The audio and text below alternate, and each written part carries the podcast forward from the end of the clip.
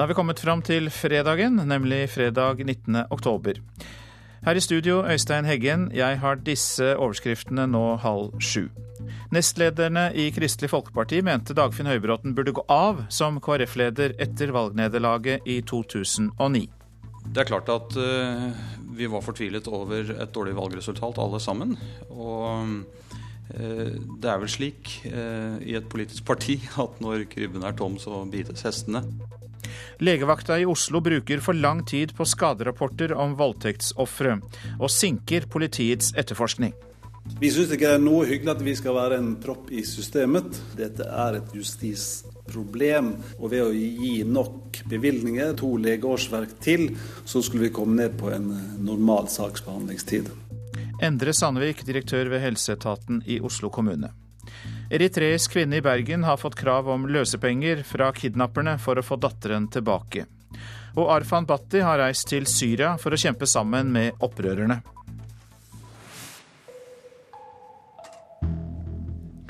Kristelig Folkepartis nestledere Inger Lise Hansen og Dagrun Eriksen mente Dagfinn Høybråten burde gå av som partileder allerede valgnatta 2009. Dette går fram av Høybråtens selvbiografi 'Drivkraft', som lanseres mandag. Dagfinn Høybråten sier han ikke ville gå av, selv om KrF hadde gjort et historisk dårlig valg. Jeg eh, syns ikke det var noen grunn til panikk eh, den valgnatta. Vi eh, mistet én stortingsrepresentant. Men vi hadde gjort et veldig dårlig valg. Og jeg syns det var riktig å fullføre det oppdraget jeg hadde påtatt meg. Jeg hadde allerede i 2008 bestemt meg for å gå av eh, når min periode var over. Men å gå av midt i valgperioden syns jeg ikke valgresultatet ga grunnlag for. Men hvordan opplevde du at to av dine nærmeste forsøkte å få deg til å trekke deg allerede valgnatta? Det er klart at uh, vi var fortvilet over et dårlig valgresultat, alle sammen. Og det er vel slik uh, i et politisk parti at når krybben er tom, så bites hestene. Og i dag kan jeg overlate roret til Dagfinn Høybråten. Jeg vet at partiet er i trygge hender med han i front. KrFs ekstraordinære landsmøte i Bergen fem og et halvt år tidligere. Valgjerd Svarstad Haugland overlater lederklubba til Dagfinn Høybråten. Han skulle gjenreise partiet, men problemene sto i kø. Først holdt han på å falle ut av Stortinget, og han stilte et ultimatum. Enten må partiet skaffe meg en sikker stortingsplass, eller så må dere velge enda ny leder. Det endte med at han ble nominert på sikker plass i Rogaland. I boka skriver han også om interne motsetninger i partiledelsen, og hvordan han reagerte da Inger Lise Hansen gikk ut med standpunkter på tvers av partiprogrammet. Jeg reagerte med vantro, eh, fordi jeg oppfattet det slik at eh, når et landsmøte har vedtatt et partiprogram noen måneder før, så er det ledelsens oppgave å stå på det og gjennomføre det i størst mulig grad. Hvilket ansvar føler du at du har selv for at partiledelsen ikke klarte å samarbeide godt nok? Hovedansvaret. Hvilket ansvar har de to nestlederne? Et medansvar. Mesteparten av boka bruker han til å fortelle om de saker han brenner for. Om vaksineprogrammet, om arbeidet for verdens fattige, og ikke minst om røykeloven. Det var en hard kamp, særlig innad i regjeringen, fordi Høyres statsråder var sterkt imot. Til slutt fikk han hjelp av Høyre-leder Jan Petersen. Det var eh, noen enslige, men solide spillere i stortingsgruppa til Høyre som eh, støttet meg. Men det som var avgjørende, det var at eh, partileder Jan Petersen skjønte at dette var en sak jeg ikke kunne tape i regjeringen. Og han ga rett og slett Høyres stortingsgruppe beskjed om at sånn måtte det bli. Dagfinn Høybråten er gjest i Politisk kvarter kvart på åtte her i P2 og Alltid nyheter. Reporter Per Arne Bjerke. Overgrepsmottaket ved Oslo legevakt bruker opptil elleve måneder på å gi politiet skaderapporten fra, over, fra overgrepsofre. Det er en av grunnene til at politiet bruker altfor lang tid på å etterforske voldtektssaker. Det mener statsadvokaten i Oslo. Når ventetiden for å få ut en rettsmedisinsk protokoll fra legevakten i Oslo er så lang som den er, så er jo det åpenbart et problem, for dette er sentrale dokumenter i straffesaken for oss. Sier førstestatsadvokat Jørn Maurud. En inspeksjonsrunde ved Oslo politidistrikts sedelighetsavdeling viser at etterforskningen av overgrepssaker tar for lang tid. En av grunnene er at overgrepsmottaket bruker opptil elleve måneder på å skrive ut rapporten over skadene til offeret, mener statsadvokatembetet. Vi trenger det dokumentet Vi trenger også analyseresultater, og vi trenger ikke minst eh, tempo internt i politidistriktet. Kom man opp Eh, da til undersøkelsesrommet. Her, ved overgrepsmottaket på legevakta, kommer voldtektsofre. De blir undersøkt, snakker med en lege, og på bakgrunn av det skriver legen en 12-20 sider lang rapport. Seksjonsoverlege Henriette Waitz er klar over at det tar for lang tid. Altså I bunn og grunn blir jo dette et ressursspørsmål. Hvis vi hadde hatt uh, nok folk til å skrive til enhver tid, så hadde vi jo klart å holde tidsfristene. Men altså, hvorfor tar det så lang tid? Fordi at det er mange detaljer, mange vurderinger, og igjen at det må gjennomgås grundig, slik at det ikke er uh, feil og mangler. For det har vært en økning i antall voldtektsanmeldelser, og de ti nye etterforskningsstillingene i sedelighetsavdelingen har gjort at det har blitt flere saker. Men de som skal gjennomføre legeundersøkelsen av voldtektsofre, har ikke fått flere stillinger. Derfor tar det lang tid, sier direktør i helseetaten i Oslo kommune, Endre Sandvik. Vi syns ikke det er noe hyggelig at vi skal være en propp i systemet. Dette er et justisproblem. Og ved å gi nok bevilgninger, eh, og det vi har antydet der med to legeårsverk til, så skulle vi komme ned på en eh, normal saksbehandlingstid. Legevakta er finansiert under Oslo kommune. Det er byråd for sosiale tjenester, Anniken Hauglie, sitt ansvar. Det er jo veldig alvorlig at uh, denne type saker bruker så lang tid på å komme inn i retten. Men er ikke det, dette et kommunalt og dermed ditt ansvar at dette arbeidet blir gjort tidsnok? Ja, Vi bruker jo fire legeårsverk på dette i dag. Hun mener Justisdepartementet bør bidra ettersom dette er straffesaksdokumenter. Hauglie har søkt Justisdepartementet om å bevilge penger til ekstra stillinger, fordi det vil komme etterforskningen til politiet til gode. Innbyggernes rettssikkerhet er jo et statlig ansvar. og Det er helt åpenbart at for å sikre ofrenes eh, rettssikkerhet og at sakene kommer inn for retten, så er det viktig at også justismyndighetene bidrar. Dette er avgjørende materiale for påtalemyndighetene. I mellomtiden, på overgrepsmottaket, jobber seksjonsoverlege Waitz for fullt. Vi ønsker å kunne levere inn tidsfristen, sånn at uh, politiet kan gjøre en rask og god etterforskning. Reportere var Ellen Omland og Ellen Borge Christoffersen. Statssekretær Astrid Aas Hansen i Justisdepartementet, du er med oss. Overgrepsmottaket og Oslo kommune ber altså om to ekstra stillinger for å klare å levere rapportene tidsnok.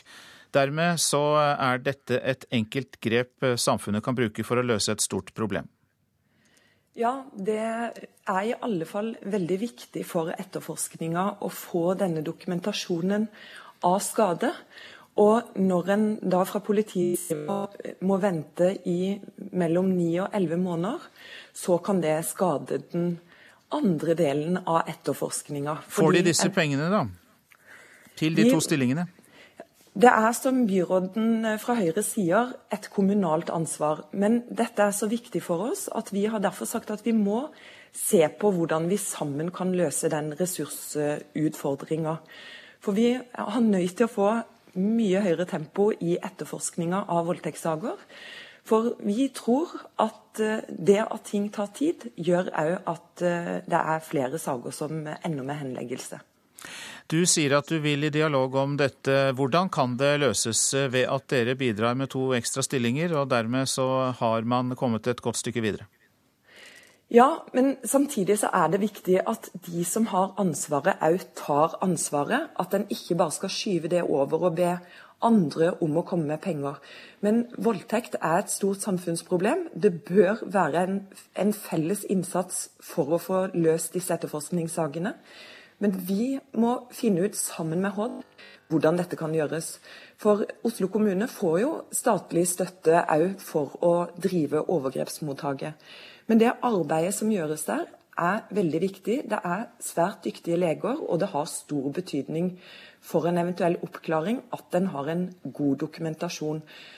I justissektoren så skal vi nå over helga ha et uh, møte med både Politidirektoratet, Oslo politidistrikt, voldtektsenheten på Kripos og Riksadvokaten for å se på hvordan vi kan følge opp denne inspeksjonsrapporten.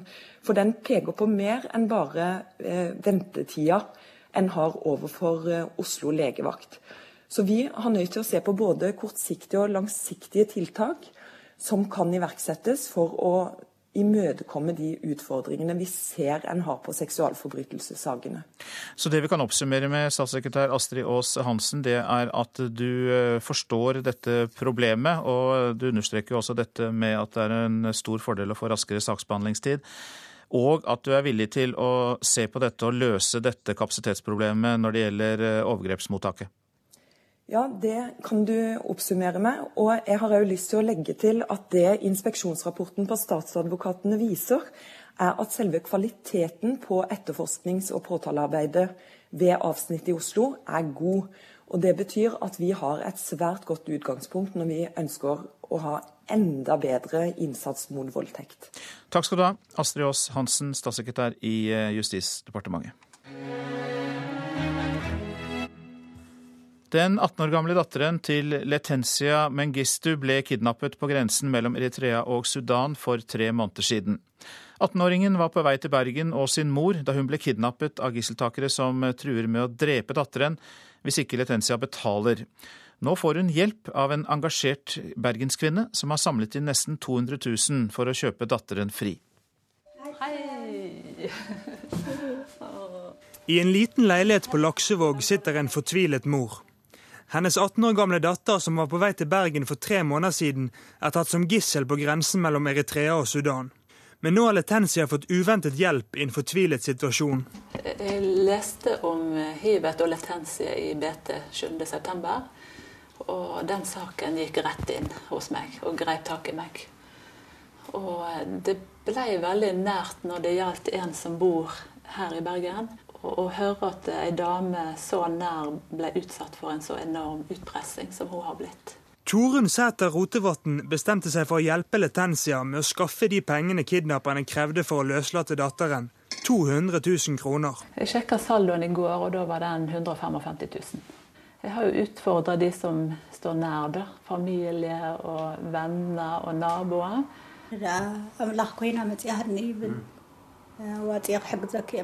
Jeg har egentlig ikke ord. Jeg tror det var Gud som sendte Torunn til meg. Fordi jeg hadde ingen sjanse til å kjøpe henne fri fra gisseltakerne. Vi har eh, drept mange flyktninger beviselig, eh, så det er veldig farlig. Eritrea-ekspert fra Universitetet på Ås, Stig Jarle Hansen, ser de problematiske sidene ved å samle inn penger til gisseltakerne. Likevel mener han at det er Letensias eneste sjanse til å redde datterens liv. Dette her er jo nødvendig for å få eh, disse ut av den situasjonen de er i. Målet om å samle inn 200 000 kroner er snart nådd. Da håper Letensia at datteren snart skal bli frigitt.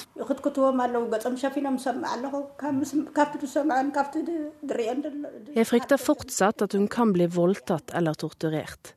De truer med å drepe henne og selge organene hennes. Derfor haster det med å komme til enighet med gisseltakerne. Reportasjen var laget av Kaspar Knutsen. Arfan Bhatti er blant nordmennene som har reist til Syria for å kjempe sammen med opprørerne de siste ukene.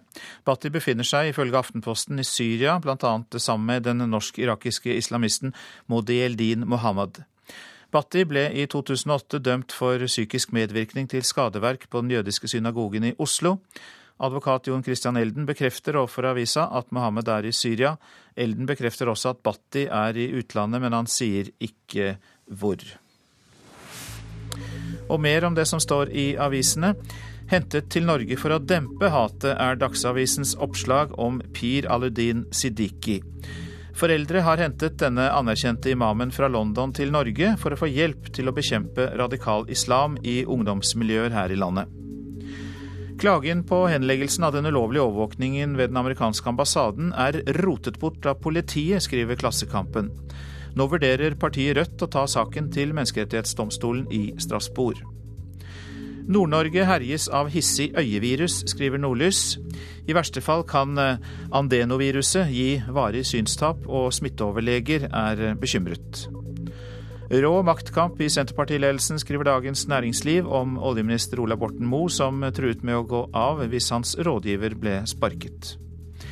Et helsesenter i Spania har ødelagt samholdet i familien Valdersnes, skriver Bergens Tidende. De har bygd sin formue på utleie i Bergen, men har tapt 56 millioner kroner i Spania.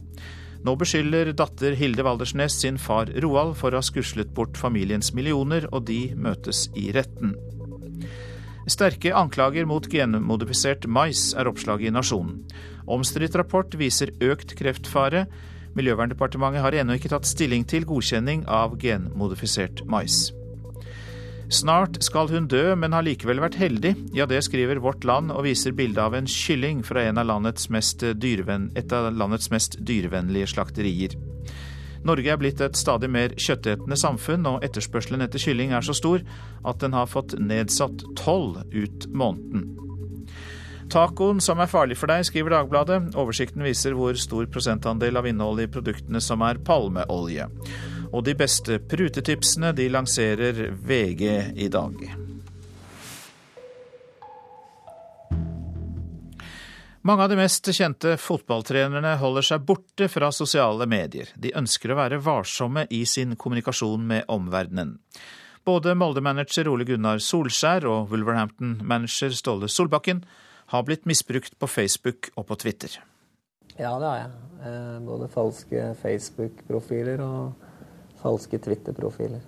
Ole Gunnar Solskjær holder seg langt unna både Facebook og Twitter. Han har ikke noe behov for å ytre seg til folk flest på sosiale medier. Dersom du finner en eh, Solskjær-profil på nettet, er den falsk. Det var en liten periode for noen uker siden hvor eh, noen spurte om er du på Facebook, du som alltid har vært imot det. Så nei, det er jeg ikke. Så, men eh, når jeg var inne og så, så så ut som, så ut som det kunne være meg, og mange trodde faktisk. Og dem som var som kjente meg, men de som virkelig kjenner meg, vet at jeg ikke er inne på, på sånne medier, sjøl om eh, jeg vet hva det er, sånn som ikke alle gjør. Det ble ramaskrik da Jon Arne Riise gikk ut på Twitter og mente at hans navn burde stå på den famøse fotballstatuen i Ålesund. Det viser at man skal være forsiktig med hva man skriver. Solbakken reagerer kraftig på den negative hetsen som ofte florerer på nett. Det er jo litt i den verden vi har kommet i, at nettet er litt fritt vilt. Og, og, noe av den netthetsen og noe av de, eh, noen av de eh, Den friheten som, som, folk tar seg på, på nettet, det, det, det syns jeg faktisk er ganske alvorlig.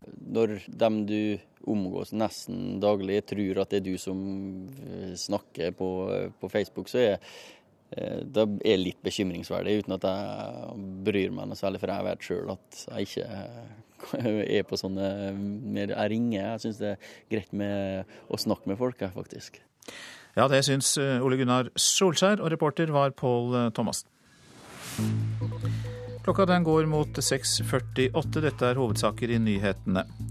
Nestlederne i Kristelig Folkeparti mente Dagfinn Høybråten burde gå av som KrF-leder etter valgnederlaget i 2009. Legevakta i Oslo bruker for lang tid på skaderapporter om voldtektsofre og sinker politiets etterforskning. Det mener statsadvokaten i eh, Oslo.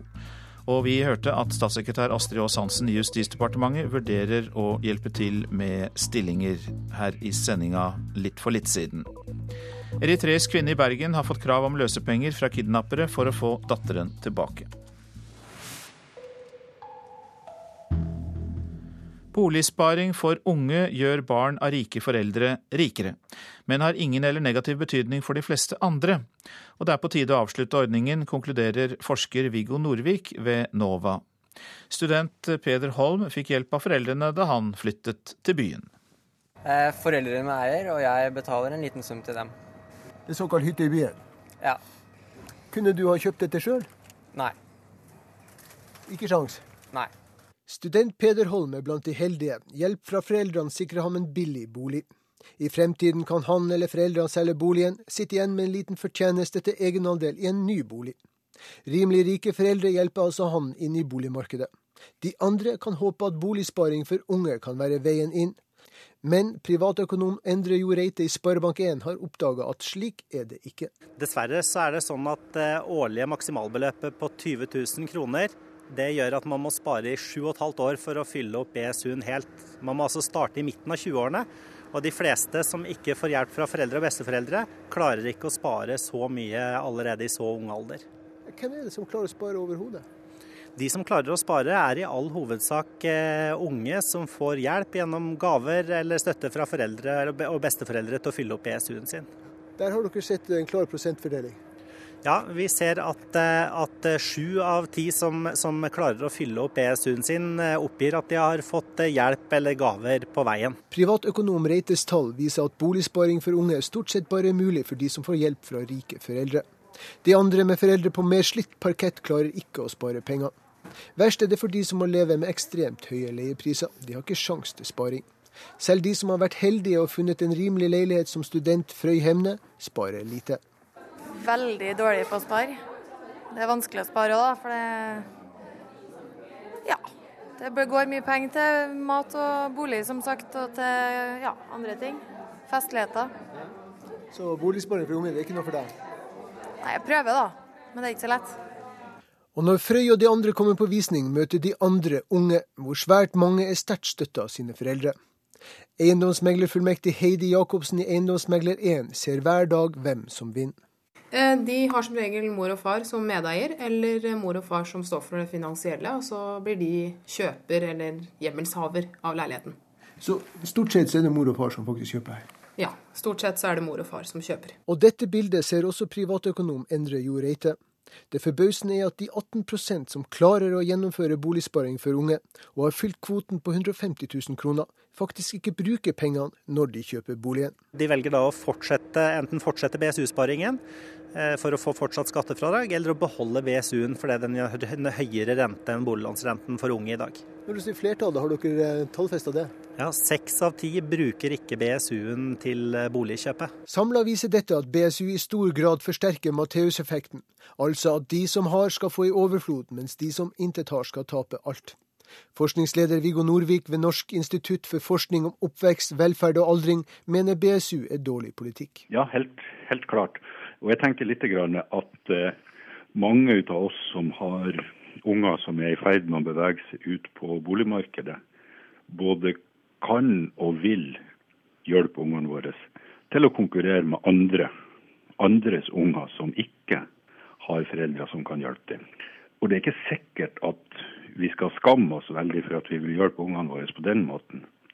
Men jeg syns det er veldig feil å rope på staten at staten skal gå inn og spleise med oss når vi setter ungene våre i stand til å konkurrere ut andre på boligmarkedet. BSU, bør man eh, beholde det, eller bør man rett og slett avslutte det? Jeg ville ha fasa det ut. Og det var Stein Lorentzen som hadde laget denne reportasjen. Flere personer ble kjørt til eh, legevakten etter et masseslagsmål mellom Tien folkemedlemmer og avhoppere fra SOS Rasisme, som skjedde på Deichmanske bibliotek i Oslo i går kveld. Tre er arrestert og siktet for eh, legemsbeskadigelse. Flere politikere reagerer på at norske radikale muslimer forsvarer et terrorangrep mot Norge. Etterretningstjenesten frykter at flere norske statsborgere som er i utlandet for å delta i krig, bl.a. i Syria, vil vende hjem som terrorister. Leder for grupperingen Profetens Umma er en av dem som mener at det kan komme et angrep mot Norge. Så vi må ikke bli overrasket hvis det kommer et angrep i Norge. Det har jeg sagt tidligere også. Men jeg sier ikke at de spesifikke personene som nå befinner seg i Syria, kommer til å øh, delta i et angrep på Norge. Dette sa lederen for grupperinga Profetens Umma til Dagsrevyen for to dager siden. Ubaydullah Hussein og grupperinga hans har sendt flere norske statsborgere til krigen i Syria. Etterretningstjenester frykter at disse skal vende hjem som terrorister. Hvis du hadde visst om eh, at det var på gang, hadde du da varsla om det? Jeg har ingen kommentar til det. Utspillet skaper sinne hos flere norske politikere bl.a. hos justisminister Grete Faremo og Frp-leder Siv Jensen. Jeg syns eh, for en voksen person som har jobba med gode holdninger gjennom et langt liv, så er det virkelig eh, nedslående å høre den type kommentarer. Når man har flyktet fra eh, undertrykkelse, overgrep og diktatur til et fritt land som Norge, da bør man verdsette det med hele seg, og ikke utvikle holdninger som minner om det man har flyktet fra. Etter det Dagsrevyen erfarer, deltar over 20 norske muslimer i borgerkrigen i Syria, og flere er på vei. Sjef for etterretningstjenesten Kjell Grandhagen stadfester at flere norske muslimer kriger i Syria på lag med Al Qaida. Eh, de får altså trening i våpenbruk, eksplosivbruk, eh, terrorisme eh, der ute. Eh, og så kan de potensielt vende tilbake eh, til Norge. Det sier seg selv at dette er en betydelig utfordring. Altså når jeg ser at personer på direkte spørsmål fra media ikke har eh, moral eller lojalitet nok til å ta avstand fra mulig terror i Norge ved å svare ja eller nei på om vi varsler norske myndigheter, da syns jeg vel ærlig talt at man kanskje kan finne et litt annet sted å bo. For da har man ikke den lojaliteten til Norge som man bør ha. Andre nestleder i justiskomiteen, André Oktay Dahl i Høyre, til reporter Simon Solheim. Nå skal vi høre om en filmskatt hentet fram fra glemselen. Den er nå blitt vist i all sin prakt for første gang på over 50 år. Windjammer ble vist i regi av Torsdagsfilmen, et arrangement som viser fram kjente og eller glemte klassikere ved alle landets cinematek. Og nå få se Lasse Kolstad, Harald Husberg og hvordan det var, det er helt fantastisk. Idet seilskuta Christian Radig nærmest fosser ut av kinolerretet på Cinemateket i Oslo, lener Jan Tenvik seg fram i setet for formelig å suge inn den spesielle effekten. Ja, Det er jo som en eh, det er jo som man ser en sånn buet skjerm. Da. Så det blir jo en slags uh, dybdefølelse ved at uh, det ser ut som du liksom du har en eh, Det ser ut som du står inni en fyrlykt og har horisonten foran deg. Filmen vi ser på, er Windjammer, en amerikansk reisedokumentar fra 1958 om skoleskipet Christian Radig. Filmen er historiens eneste skutt i Cinemiracle-formatet, en tidlig form for widescreen. Den særegne effekten ble skapt av at man synkroniserte tre kameraer og viste filmen på et uformet lerret, forteller Kåre Teland, som seilte på Christian Radig og spilte i filmen. Når filmen ble klippet, så, så hadde vi inne eh, ungdommer som da eh, ble testet om de ble sjøsyke. Så filmen ble tilpasset hva menneskene tåler i, i et sånt format som det. Filmen var nære ved å gå tapt. Men for noen år tilbake ble en gammel kopi funnet, som nå er restaurert og digitalisert nært opp mot den opprinnelige Cinemiracle-opplevelsen. I går kveld ble den nye versjonen for første gang vist ved cinematekene i syv norske byer. Filmen ble tatt godt imot, slik den også ble da NRK overvar premieren i 1958. Alle veier går til Colosseum i Oslo denne hverdagskvelden, der Windjammer, eller filmen om skoleskipet Christian Radich, har norgespremiere. Windjammer ble en suksess i Norge, og ikke bare pga. de fantastiske effektene, forteller Erlend Jonassen fra Norsk Filminstitutt. Nordmenn liker jo alltid å bli sett utenfra. Og her kom amerikanerne og i et superteknisk voldsomt system og så oss. Så oss som sjøfartsstasjon og unge menn og alt det som kunne tenkes å være bra. Klart det måtte bli en suksess i Norge. Tross suksessen ble Windjammer den eneste filmen av sitt slag, ettersom Cinemiracle-formatet var altfor dyrt. Kåre Teland forteller. Alle steder så måtte man altså reinvestere, ombygge hele teatret. Som vi også måtte gjøre på Colosseum. Og det var Andreas Lindvåg som fortalte om klenodie Windjammer, som man igjen kan se. Radiodokumentaren. Hun har vært overvektig fra hun var lita, men nå har hun fått nok. Jeg har eh, bestemt meg nå for å ta gastric bypass i Riga. Bli med 22 år gamle Camilla til Riga, der hun skal bli kvitt 95% av magesekken sin. Hør radiodokumentaren. Lørdag klokken ti i NRK P2. Og nei, vi har ikke glemt eh, værvarselet. Nå først fjell i Sør-Norge, Østlandet og eh, Telemark. Stort sett oppholdsvær. Agder stort sett opphold også der, fra seint i ettermiddag regn i ytre strøk. Rogaland opphold, fra i kveld regn. Hordaland stort sett oppholdsvær. Sogn og Fjordane får enkelte regnbyger, men i kveld blir det oppholdsvær. Møre og Romsdal litt regn, fra i ettermiddag til dels pent vær. Trøndelag litt regn i sør først på dagen, ellers pent. Helgeland, Saltfjellet, Salten og Ofoten til dels pent. Fra i ettermiddag enkelte regnbyger i ytre nordlige strøk. Lofoten og Vesterålen enkelte regnbyger. Troms fra seint i ettermiddag nordvest liten kuling på kysten, regn og sludd. Finnmark enkelte regnbyger på kysten, ellers til dels pent. Seint i ettermiddag øking til nordvest liten kuling på kysten, seinere stiv kuling. Regn og sluddbyger. Nordensjøland på Spitsbergen får stort sett opphold. Så tar vi med oss temperaturer målt klokka fem. Da var det minus to på Svalbard, Kirkenes minus fem, Vardø null. Alta minus fem, Tromsø pluss to, Bodø null. Brønnøysund pluss tre, Trondheim fire, Molde seks, Bergen åtte. Stavanger ni, Kristiansand sju, Gardermoen åtte, Lillehammer sju, Røros 2, og på Oslo-Blindern var det 9 grader klokka fem.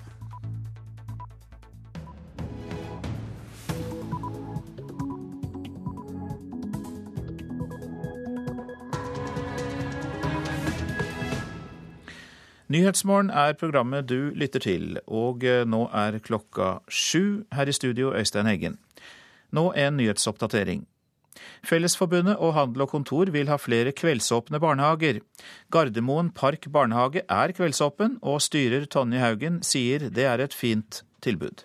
Kjempefint for de foreldre som eh, har en arbeidsplass som innebærer turnusjobbing, og for å få kabalen til å gå opp i en eh, hektisk hverdag. Det aller meste av formuene til nordmenn vises ikke i skattelistene. Boligformuene og boliggevinstene er skattelovens sorte hull, og er urettferdig overfor dem som vil investere i annet enn bolig, mener fagøkonomene.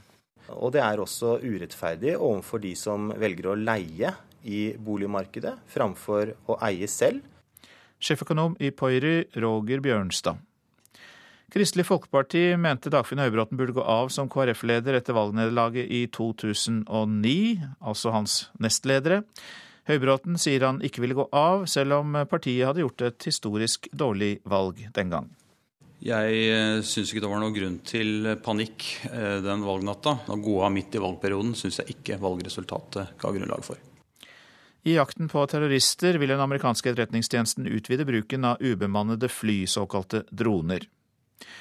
Det er 20 år siden Mental Helse åpnet hjelpetelefonen. Nå har organisasjonen tatt imot 750 000 samtaler. Å lytte er det viktigste når folk med problemer ringer, sier veteran på hjelpetelefonen Gunn Thorsen. Det er det aller, aller viktigste. Det er at de i den andre enden føler at eh, det er noen der som hører på meg. To av LOs største fagforbund vil ha kveldsåpne barnehager. En av tre yrkesaktive nordmenn arbeider utenom normalarbeidstiden. Fellesforbundet og Handel og Kontor mener derfor at det er et stort behov for barnehager som er åpne om kvelden. Ved Gardermoen Park barnehage har de allerede et slikt tilbud for barn og foreldre. Der er meg. Der er deg. Hva gjør du der, da? Maler. Ja, maler. Egentlig skulle Tuva Helene på to bli hentet én time før midnatt, når Kveldsnytt går på lufta.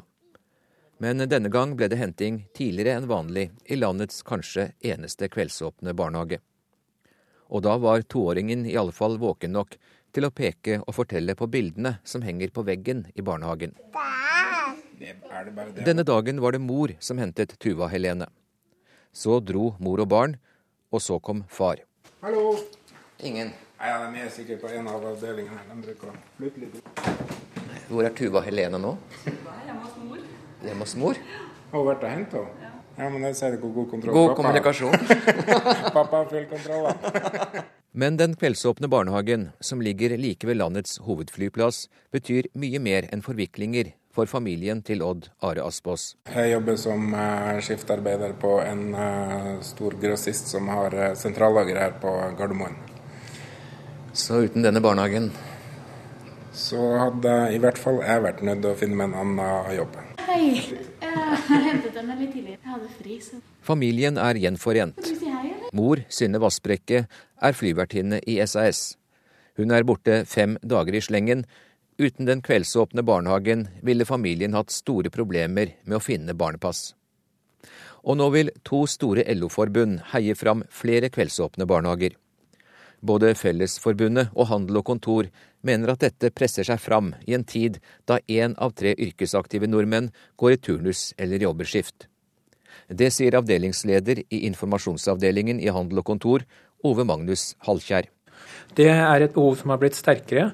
eh, Og for å si det slik, når politikerne først legger til rette for, og det heies fram et eh, fleksibelt samfunn hvor folk skal kunne handle til alle tider av døgnet, så må man også ta konsekvensene av det på andre områder og se i øynene at eh, ting henger sammen. Høyre ønsker ikke noe stemplingsur i eh, barnehagen. Det sier Linda Helleland i Høyre. Hun sitter i familiekomiteen på Stortinget Og der er alle partier, med unntak av Kristelig Folkeparti, enige om at vi nå trenger kveldsåpne barnehager i Norge. Barnehagene må tilpasses det som er behov i dag, sier Helleland. Vi ønsker at eh, barnehagene eh, tilpasser seg foreldrene og barnets behov for eh, omsorg. Og særlig for aleneforeldre som jobber turnus- og skiftarbeid. Tilbake i barnehagen på Gardermoen. Den holder kveldsåpent når det er behov for det. Normalt vil det si annenhver kveld. Da kan vi gjerne ha fire-fem barn her til klokken 23, sier styrer Tonje Haugen, som mener at dette er et tilbud flere kommuner bør gi sine innbyggere. Eh, det tenker jeg er kjempefint for de foreldre som eh, har en arbeidsplass som innebærer turnusjobbing. Og for å få kabalen til å gå opp i en eh, hektisk hverdag. Hvordan er det å være barn i barnehagen klokka 11? Jeg vil si det er fint, jeg. Ja. Men de må vekkes? Noen blir, våkner når de blir henta, andre blir båret ut. Nei, de må vi ha på. Så det er mørkt ute. Det da. Reporter Hans Jørgen Solli. Og dermed har vi kalt på deg, Øyvind Håbrekke. God morgen. Du er, nest, morgen. God morgen, morgen. Du er nestleder i familie- og kulturkomiteen på Stortinget fra Kristelig Folkeparti. Hva mener du om kveldsåpne barnehager? Nei, Jeg mener det gir oss eh, et samfunn der ungene og ungenes hverdag styres, eh, styres veldig av arbeidslivets eh, behov på arbeidslivets premisser. For det første fordi at barnehagens stengetid det er trumfkortet som arbeidstakerne og småbarnsforeldre hver dag bruker overfor sine arbeidsgivere for å stå imot presset fra, fra arbeidslivet. Hver dag så sier tusenvis av norske småbarnsforeldre til sine, eh, til, til sine sjefer jeg må gå nå fordi jeg må hente i barnehagen. Eller jeg kan ikke ta den kveldsvakta fordi da er jeg alene med ungene. Hvis du åpner opp dette her, sånn at det blir kveldsåpne barnehager og landet rundt. Da åpner man ei sluse. Foreldrene må gi etter for presset, og ungene blir taperne. Men de vi sånn... først og fremst snakker om her, er jo folk som er nødt til å ha skiftarbeid. Og da nytter det jo ikke å trekke fram det trumfkortet der, for da jobber de uansett på en annen tid på døgnet. Og da er det greit å ha en barnehage på kveld? Ja, Hver eneste dag så driver man og setter opp vaktlister f.eks. i helsevesenet og andre, på andre arbeidsplasser rundt omkring. Og enten du er aleneforelder eller du er, eller du er i par, så vil si mange jeg kan ikke jobbe da, fordi da, må jeg, da er jeg alene med ungene. Da må jeg passe ungene mine. Og det løser man i dag på arbeidsplassene, nettopp fordi Men du løser ikke, du løser ikke, alle, du løser ikke alle de problemene på den måten. Vet du. du løser ikke alle skiftproblemene på den måten. Nei, men Arbeidsgiverne må ta hensyn til det, og det gjør de hver eneste dag. Men du kan tenke deg en situasjon der du snur opp, opp ned på det og, og lar barnehagen være åpen om kvelden, og arbeidstaker mister det forhandlingskortet. Da åpner du ei sluse, presset øker, og arbeidstakerne må gi etter for det presset. Og da blir ungene taperne. Det er garantert. Det andre argumentet det er jo at barnehagen i dag er jo et pedagogisk tilbud. Og det er det vi ønsker at barnehagen skal være. Hvis vi åpner opp for kveldsåpne barnehager, så blir det ren oppbevaring. Og det tredje jeg har lyst til å si, det er jo at alle sammen vet, som har prøvd, vet hvor krevende det er å tilvenne en unge til barnehagen. Hvis du skal begynne å og Da er det faste rutiner, føling om morgenen henting om ettermiddagen, som er clouet. Hvis du skal begynne å, å komme til ulike tider på dagen, legge deg til å sove om kvelden osv., det er ikke til ungenes beste. Du må bare tenke deg å våkne opp på natta med mareritt og se inn i øynene på en vikar du aldri har sett før. Dette er på arbeidslivets premisser. Det er arbeidslivets råskap som skal få overkjøre hensynet til ungene og gi ungene en god omsorg. Ungene blir taperne, arbeidstakerne blir satt under større press, og dette er et samfunn som vi ikke ønsker.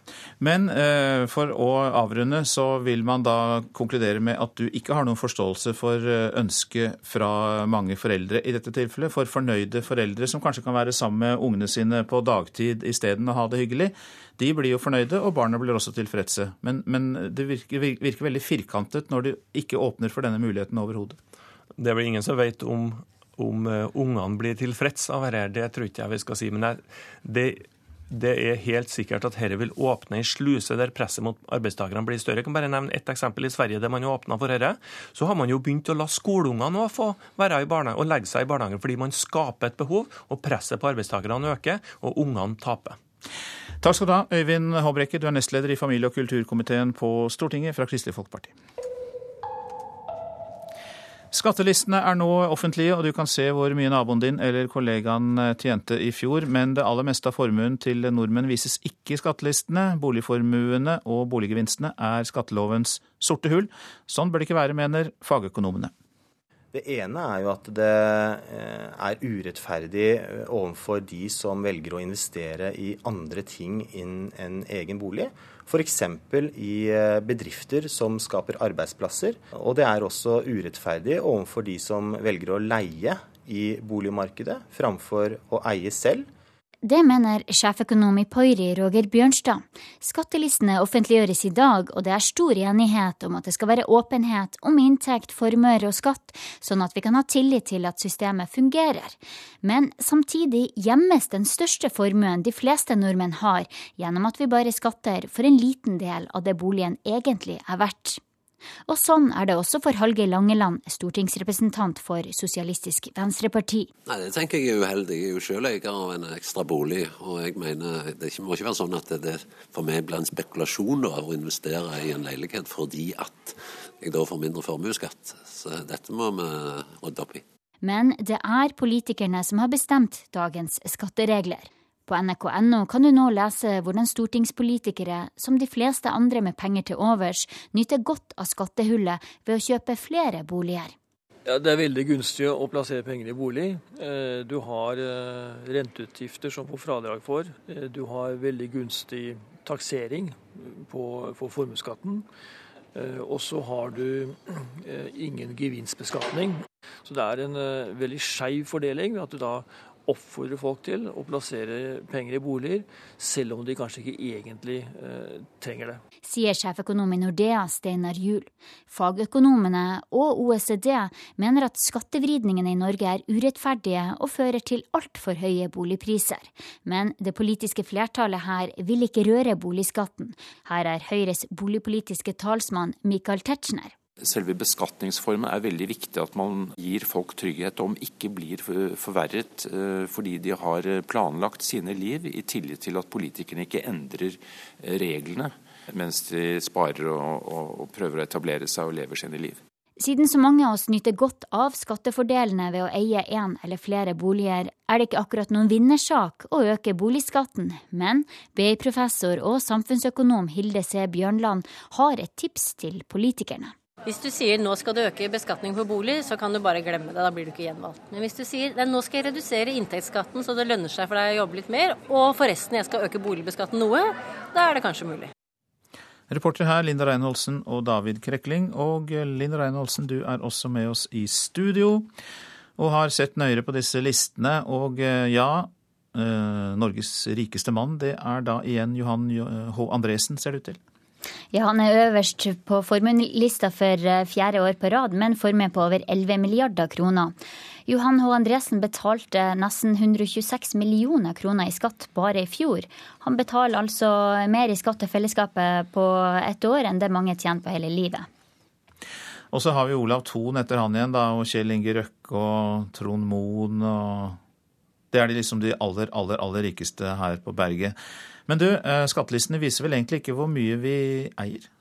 Nei, eh, for boligformue eh, og gevinst, der, der, der, skatter man bare for en liten del av boligens reelle verdi. På din første bolig er det en fjerdedel av verdien som er skattbar, hvis boligen er gjeldfri. Og hvis man har flere boliger, så så er det også bare en liten del av eh, verdien som man skatter for, eller som regnes som formue. Og også andre ting som man eier, f.eks. Eh, kunst spesielt, da, båter, innbo og andre ting. Der kommer bare en liten del av den reelle verdien opp som formue. Ikke nok med det, Lina Reinholdsen. Eh, det viser vel egentlig ikke hvor mye vi tjener heller? Nei, eh, for man kan trekke fra mye forskjellig. F.eks. For hvis du har et stort lån, så kan du trekke fra eh, alle renteutgiftene på skatten. Og så har du minstefradrag, personfradrag, fradrag for utgifter til barnehage. Og hvis du eh, taper når du selger aksjer eller eiendom, så kan du trekke fra det også. Så man kan ha høye reelle inntekter, men bare skatt relativt lite av det man tjener. Er det slik at vanlige folk kan søke skattelistene fortsatt? Ja, på en måte, men det er ikke sånn som det var før. Eh, og bakgrunnen for det er jo at de her skatteopplysningene blir spredt rundt på internett. For så var det apper som visste det. Hvis du var i gata, så kunne du se hvem er rikest i gata her. Og det kunne selvfølgelig lett bli misbrukt. Så nå må du inn på skatteetaten sine sider for å søke, og da må du bruke sånn elektronisk innlogging som du har fra Min ID. Og da kan du fritt søke etter hvem du vil. Mange takk skal du ha, økonomireporter Linda Reinholdsen, for den orienteringen. Ja, dette er Nyhetsmorgen. Klokka har nettopp passert kvart over sju, og vi har disse hovedsakene. Fellesforbundet og Handel og Kontor vil ha flere kveldsåpne barnehager. Nestlederne i Kristelig Folkeparti mente Dagfinn Høybråten burde gå av som KrF-leder etter valgnederlaget i 2009. Og EUs ledere vil opprette et banktilsyn som skal overvåke 6000 europeiske banker fra nyttår, men de er ikke enige om når en full bankunion skal være på plass.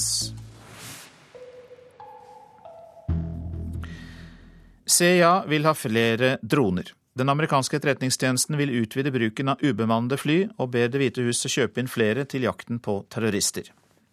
Dronene brukes til å samle inn informasjon og skyte raketter mot mål i Pakistan og Jemen. Amerikansk etterretning ser også på Nord-Afrika som en økende trussel, og ber derfor om å få utvide arsenalet. Washington Post skriver at CIA har mellom 30 og 35 droner i dag, men har bedt om ti til. Utfallet kan avgjøre om CIA skal gå tilbake og være en etterretningsorganisasjon, eller spille en mer sentral rolle som paramilitær gruppe som står bak målrettede drap på mistenkte terrorister i utlandet. Tidligere har Pentagon uttrykt bekymring for CIAs voksende lager og engasjement i slike aksjoner, men denne gang har ikke Forsvarsdepartementet protestert, ifølge avisa. Til nå har Forsvaret og CIA samarbeidet, men CIAs nye sjef, general David Petraeus, som ledet krigene i Irak og Afghanistan, mener CIA må ha kontroll over flere droner selv. Forslaget ligger på bordet i Det nasjonale sikkerhetsrådet i Det hvite hus. Et underutvalg som arbeider mot terrorisme, bestemmer om nye droneinnkjøp skal gå til Pentagon eller CIA. Panelet lager også USAs drapsliste, ifølge Washington Post.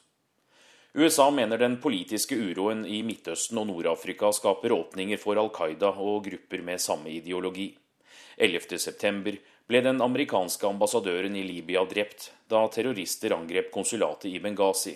Og regjeringens fall i Mali har gjort at terrorgrupper har fått våpen og fotfeste også her, mener amerikanerne. Angrep ved bruk av droner eller ubemannede fly er omstridt fordi de ofte dreper sivile.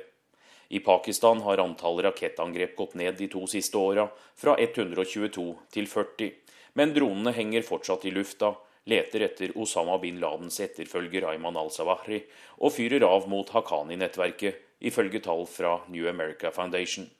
I går ble minst sju Al Qaida-mistenkte militante drept i Jemen, det 35. droneangrepet der i år.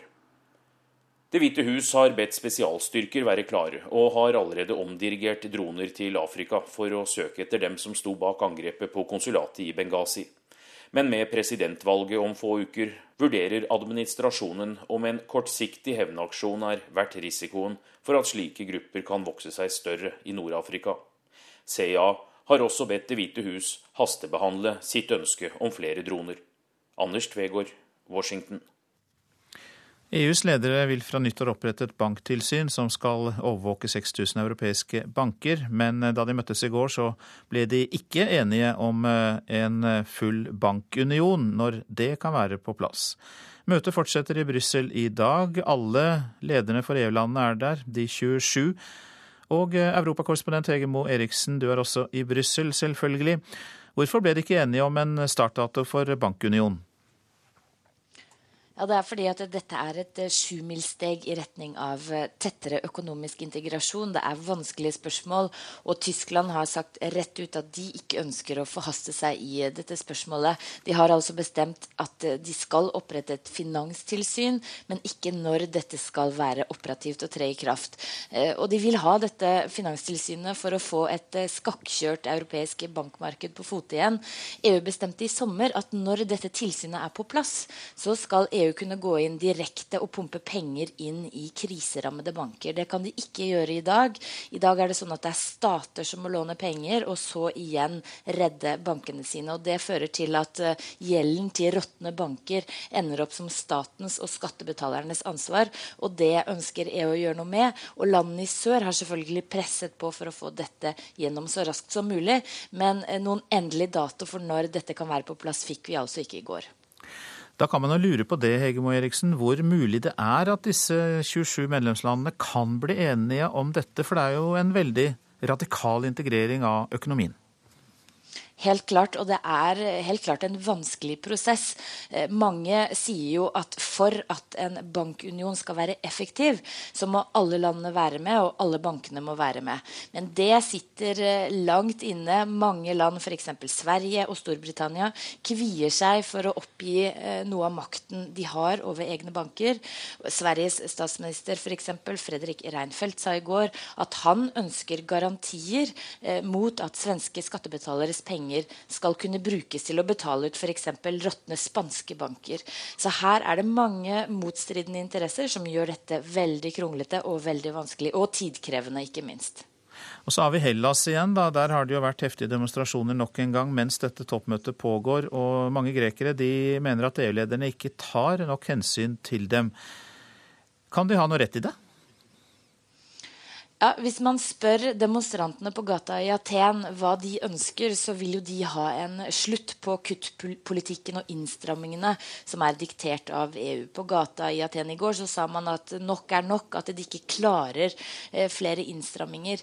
Og det er lite som tyder på at eh, EU vil endre strategi eh, her. Eh, man vil nok eh, fortsette å, å, be om eh, tøffe kutt og, og spare innstramminger i, i Hellas også i tiden fremover. Eh, og Angela Merkel mener jo at veien ut av eurokrisa går gjennom å ha budsjettene i orden. Det er kravet, og det må nok landene i sør innfri. Det får vi sikkert høre mer om også videre. Mange takk for at du var med, europakorrespondenten vår i Brussel, Hege Mo Eriksen. Og litt i samme gate nå. Noen av de nye arbeidsreformene som skal redusere utgiftene til arbeidsgivere i Hellas er ulovlige. Det sier en komité i Europarådet. De mener reformene krenker rettighetene til arbeidstakerne. Den ene reformen som rådet peker på, er å gi nyansatte lengre prøveperioder. Og den andre som blir kritisert, er å gi ungdom under 25 år lavere minstelønn, som da bringer dem under fattigdomsgrensa.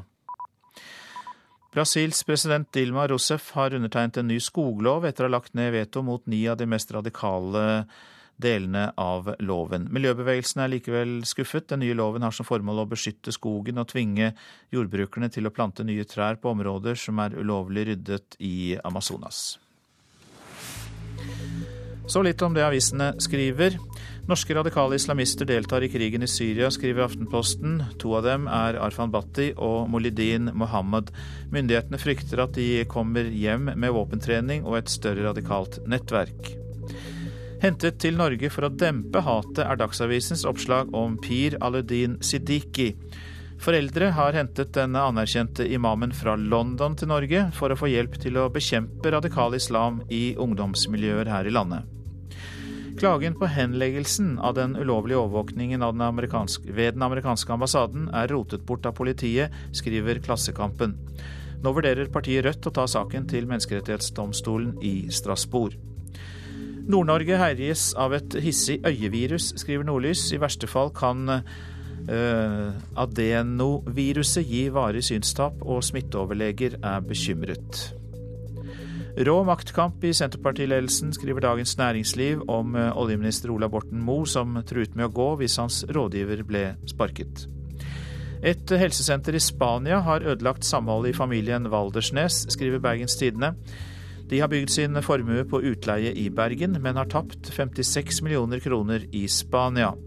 Nå beskylder datter Hilde Waldersnes sin far Roald for å ha skuslet bort familiens millioner, og de møtes i retten. Sterke anklager mot genmodifisert mais er oppslaget i Nasjonen. Omstridt rapport viser økt kreftfare. Miljøverndepartementet har ennå ikke tatt stilling til godkjenning av genmodifisert mais. Snart skal hun dø, men har likevel vært heldig. Ja, det skriver Vårt Land, og viser bilde av en kylling fra et av landets mest dyrevennlige slakterier.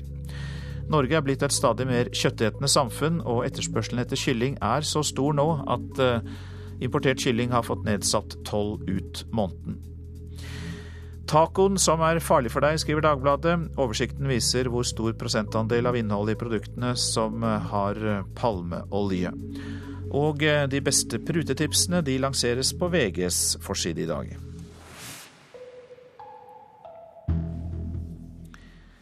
Den 19. oktober 1992, da åpnet organisasjonen Mental Helse den første linjen til hjelpetelefonen. Og da ringte telefonen med en gang. 20 år seinere har de ansatte i hjelpetelefonen gjennomført mer enn 750 000 samtaler. Hjelpetelefonen snakker med Gunn. Gunn Thorsen er veteran på hjelpetelefonen. Hun var med da tidligere statsråd og ordfører i Skien, Einfrid Halvorsen, drog i gang telefonen i 1992. 20 år seinere tar hun fremdeles vakter i Mental Helse sin lokale i Skien. I disse åra har Gunn Thorsen svart på et titalls tusen telefoner. De handler faktisk om allting. Fordi at det her ringer det personer som har vanskeligheter i hverdagslivet. De har vanskeligheter på jobbsammenheng. De har vanskeligheter i familieliv. Mange ungdommer også ringer hit som mm. har problemer. Og da er det viktig å være til stede, og viktig å lytte. Det er det aller, aller viktigste. Det er at de i den andre enden føler at uh, det er noen der som hører på meg. Hva er det som har gjort aller mest uh, inntrykk på deg? Det er vel når du snakker med en person som er langt, langt nede, og du kan få løfta den personen opp til f.eks. å si at 'nei, jeg skal søke hjelp'. Du har gitt meg livsmotet tilbake. Og det, det, at vi kan hjelpe mennesker i den setningen der, er helt fantastisk. Får du tall nå, Truls? Må du telle nå? De ansatte på hjelpetelefonen forbereder jubileumskonferansen som blir gjennomført i dag. Der vil daglig leder Inger Ellingsen legge fram resultatene fra den siste brukerundersøkinga. Det aller aller viktigste funnet er selvsagt at 75-85% av de som bruker oss, er fornøyde. For dette er en brukerundersøkelse der de som bruker oss, har sagt hva de mener om oss. Nå har dere altså levert eh, denne tjenesten i 20 eh, år. og Er det de samme problemområdene folk forteller om i dag som de gjorde for 20 år siden?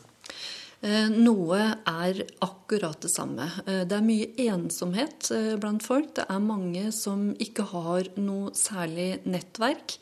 Det er også sånn at det er en del tema rundt psykisk helse som det fortsatt er tabubelagt å snakke om. Så sånn sett så er det mye av det samme.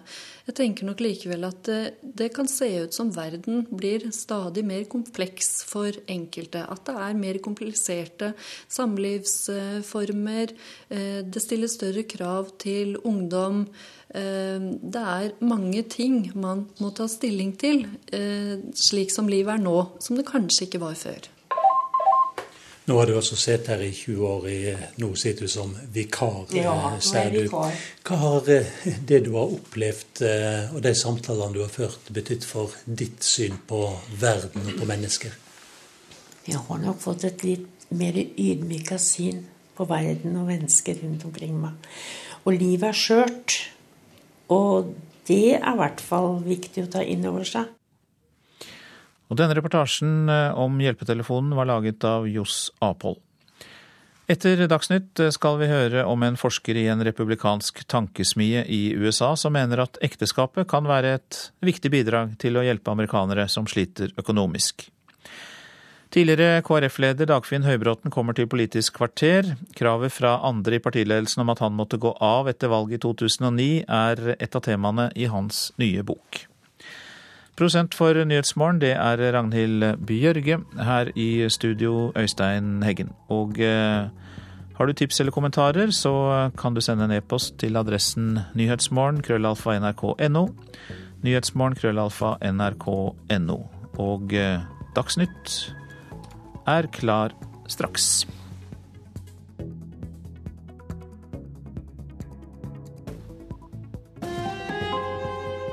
Hør ekko. Når noen spør deg hvem du er og hvor du kommer fra, svarer du sikkert lett. For Wenche tok det over 60 år før hun våget å si det høyt, at hun er datteren til Gestapo-sjefen i Norge under krigen. Vi blir med på jakten etter sannheten om en pappa og en nazist. Ekko 9 11 i NRK P2.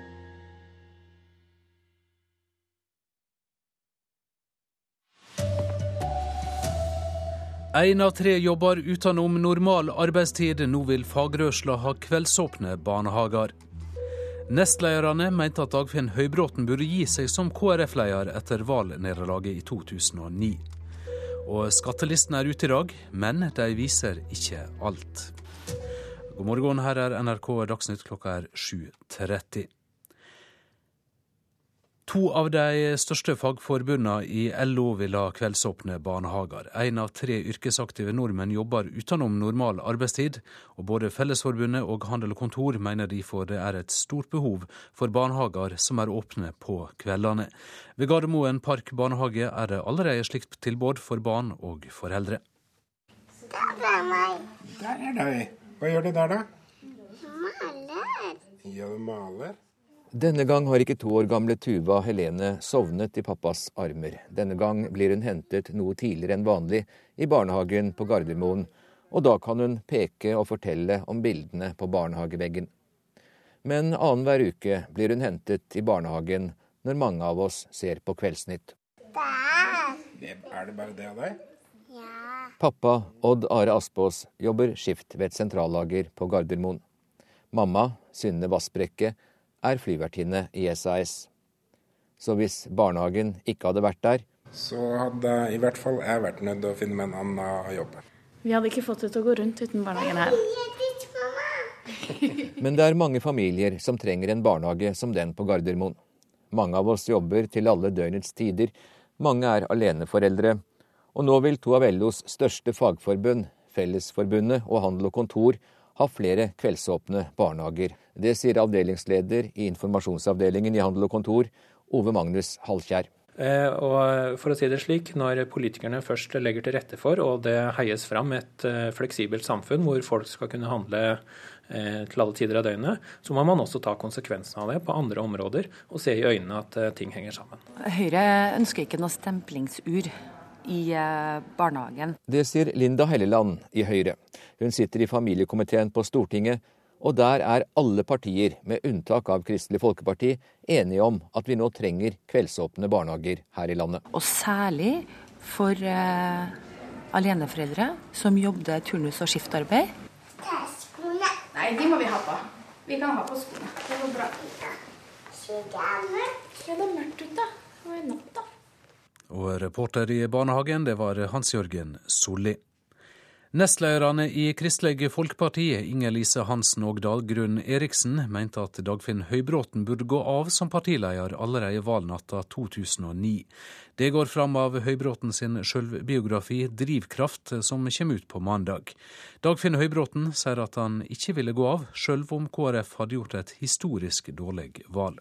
Det er vel slik eh, i et politisk parti at når krybben er tom, så bites hestene. Man har eh, ulike vurderinger, og det må jeg respektere. Men eh, jeg hadde tatt mitt valg om å stå løpet ut. Med 5,5% ble valgnatta 2009 en katastrofe. Før han skulle stille i partilederdebatten, følte Høybråten et sterkt press fra de to nestlederne om at han burde gjøre som Venstres Lars Sponheim, gå av på direkten. Og I dag kan jeg overlate roret til Dagfinn Høybråten. Jeg veit at partiet er i trygge hender med han i front. KrFs ekstraordinære landsmøte i Bergen fem og et halvt år tidligere. Valgjerd Svarstad Haugland overlater lederklubba til Dagfinn Høybråten. Han skulle gjenreise partiet etter et elendig lokalvalg. Men det skulle bli mange problemer på veien. I boka beskriver han hvordan partiledelsen til tider trakk i hver sin retning. Han forteller også om sin reaksjon da Inger Lise Hansen, ett år etter at hun ble nestleder, gikk ut med kontroversielle standpunkter, på tvers av partiprogrammet. Jeg reagerte med vantro, eh, fordi jeg oppfattet det slik at eh, når et landsmøte har vedtatt et partiprogram eh, noen måneder før, så er det ledelsens oppgave å stå på det og gjennomføre det i størst mulig grad. Hvilket ansvar føler du at du har selv for at partiledelsen ikke klarte å samarbeide godt nok? Hovedansvaret. Hvilket ansvar har de to nestlederne? Et medansvar. Ja, Det sa Dagfinn Høybråten, som også er gjest i Politisk kvarter, nå kvart på åtte. Reporter var Per Arne Bjerke. Arfan Bhatti er blant nordmennene som reiser til Syria for å kjempe sammen med opprørerne. Bhatti er ifølge Aftenposten i Syria sammen med bl.a. den norske irakiske islamisten Mohildin Mohammed. Bhatti, som tidligere tilhørte Jongens-miljøet i Oslo, ble i 2008 dømt for medvirkning til skadeverk på den jødiske synagogen i Oslo, men frikjent for tiltalepunktet om terrorplanlegging. Overgrepsmottaket ved Oslo legevakt bruker opptil elleve måneder på å gi politiet skaderapporter fra overgrepsofre. Det er en av grunnene til at politiet bruker altfor lang tid på å etterforske voldtektssaker. Det mener statsadvokaten i Oslo. Når ventetiden for å få ut en rettsmedisinsk protokoll fra legevakten i Oslo er så lang som den er, så er det åpenbart et problem, for dette er sentrale dokumenter i straffesaken for oss. Sier førstestatsadvokat Jørn Maurud. En inspeksjonsrunde ved Oslo politidistrikts sedelighetsavdeling viser at etterforskningen av overgrepssaker tar for lang tid. En av grunnene er at overgrepsmottaket bruker opptil elleve måneder på å skrive ut rapporten over skadene til offeret, mener statsadvokatembetet. Vi trenger det dokumentet. Kom man opp eh, da, til undersøkelsesrommet. Her, ved overgrepsmottaket på legevakta, kommer voldtektsofre. De blir undersøkt, snakker med en lege, og på bakgrunn av det skriver legen en 12-20 sider lang rapport. Seksjonsoverlege Henriette Waitz er klar over at det tar for lang tid. Altså I bunn og grunn blir jo dette et ressursspørsmål. Hvis vi hadde hatt uh, nok folk til å skrive til enhver tid, så hadde vi jo klart å holde tidsfristene. For det har vært en økning i antall voldtektsanmeldelser. Men de som skal gjennomføre legeundersøkelsen av voldtektsofre, har ikke fått flere stillinger. Derfor tar det lang tid, sier direktør i helseetaten i Oslo kommune, Endre Sandvik. Det er et statlig ansvar å gi ressurser, slik at vi får gode nok ressurser til å skrive legeerklæringen. Reportere her var Ellen Omland og Ellen Borge Christoffersen. Og statssekretær Astrid Aas Hansen i Justisdepartementet sier at de vil se på hvordan en skal løse ressursutfordringer som legevakta har. For vi har nødt til å få mye høyere tempo i etterforskninga av voldtektssaker. For vi tror at eh, det at ting tar tid, gjør òg at eh, det er flere saker som ender med henleggelse. Skattelistene er i dag offentlige, og du kan nå se hvor mye naboen din eller kollegaen din tjente og betalte i skatt i fjor. Men det meste av formuene til nordmenn viser ikke igjen i skattelistene. Bostadformue og det en tjener på bostad er stort sett skattefritt. Synd, mener Hallgeir Langeland, stortingsrepresentant for SV. Nei, Det tenker jeg er uheldig. Jeg er jo selv eier av en ekstra bolig. Og jeg mener det må ikke være sånn at det for meg blir en spekulasjon å investere i en leilighet fordi at jeg da får mindre formuesskatt. Så dette må vi rydde opp i. Men det er politikerne som har bestemt dagens skatteregler. På nrk.no kan du nå lese hvordan stortingspolitikere, som de fleste andre med penger til overs, nyter godt av skattehullet ved å kjøpe flere boliger. Ja, Det er veldig gunstig å plassere penger i bolig. Eh, du har eh, renteutgifter som får fradrag for. Eh, du har veldig gunstig taksering på, for formuesskatten. Og så har du ingen gevinstbeskatning. Sier sjeføkonom i Nordea, Steinar Juel. Fagøkonomene og OECD mener at skattevridningene i Norge er urettferdige og fører til altfor høye boligpriser. Men det politiske flertallet her vil ikke røre boligskatten. Men BI-professor og samfunnsøkonom Hilde C. Bjørnland har et tips til politikerne. Hvis du sier nå skal du øke beskatning på bolig, så kan du bare glemme det. Da blir du ikke gjenvalgt. Men hvis du sier nå skal jeg redusere inntektsskatten så det lønner seg for deg å jobbe litt mer, og forresten jeg skal øke boligbeskatten noe, da er det kanskje mulig. Reportere her var Linda Reinholdsen og David Krekling. Og Linda Reinholdsen, du har nå kommet i studio, og du har sett litt på skattelistene nå i morgentimene. Og ikke uventa er vel Johan H. Andresen den rikeste personen her i landet. Men hvem andre finner vi på lista over de rikeste? Der har du eh, Olav Thon som nummer to, og så er det Akereie Kjell Inge Røkke. Og så har du Bergens rikeste mann, Trond Moen, som nummer fire på formuetoppen her. Men kan vi stole på disse listene om hvem som faktisk er rikest og har mest formue? Ja, man kan i hvert fall stole på at de er blant Norges aller rikeste. Men det finnes forskjellige måter å verdsette rikdom på og inntekt også. Og skattegrunnlaget på formue er ofte mye lavere enn de reelle verdiene. Spesielt på bolig, kunst, båter, hytter osv. Og, og hvis man har høye lån, så betyr det store fradrag på skatten, så da ser den skatte, skattbare inntekten mindre ut. Takk skal du ha, Linda Reinholdsen. Da gjenstår det bare å si at ansvarlig for sendinga er Erlend Rønneberg, teknisk ansvarlig for Frode Thorshaug, og i studio Odd Christian Dale.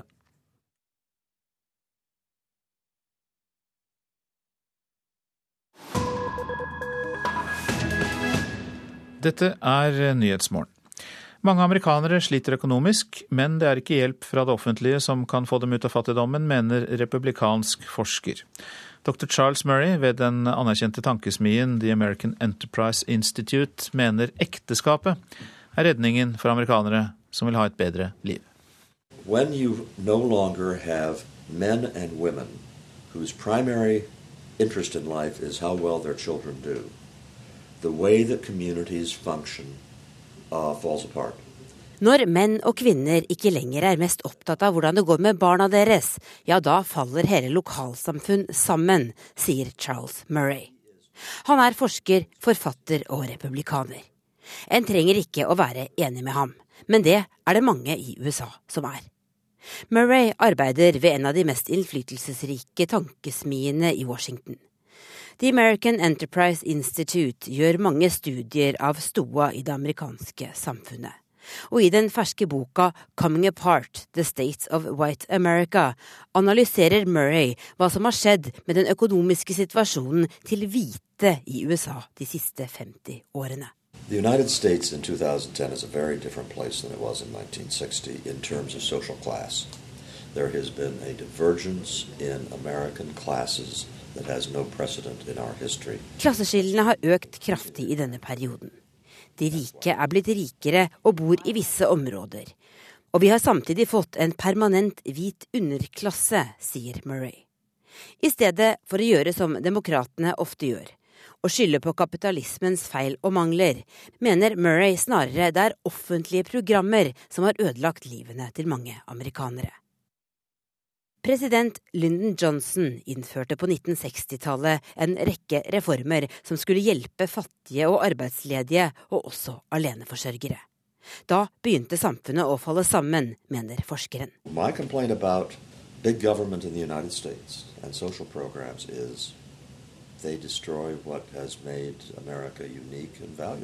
Offentlige programmer ødelegger det som har gjort USA unikt sterke familier og sterke lokalsamfunn der folk hjelper hverandre, sier han. På en kafé treffer jeg en gjeng hjemmeværende mødre som langt på vei er enige i Charles Murrays analyse. De er alle gift og har alle valgt å satse på å oppdra barn framfor egen karriere. Ingen av dem er svært rike, men de klarer seg bra. Um, there's pluses and minuses of both. I have a strong opinion about a stay-at-home parent because I am a stay-at-home parent, but I also see value in a working parent, and sometimes it's necessary to be a working parent. Jeg respekterer kvinner som jobber, men for meg er det naturlig å satse på familien og ekteskapet, sier Wiki Tapson. I USA er det fortsatt status å være hjemmeværende i mange miljøer. Den sterke kjernefamilien er en viktig verdi og studier som Murrays viser at gifte amerikanere har klart seg bedre gjennom den økonomiske krisen.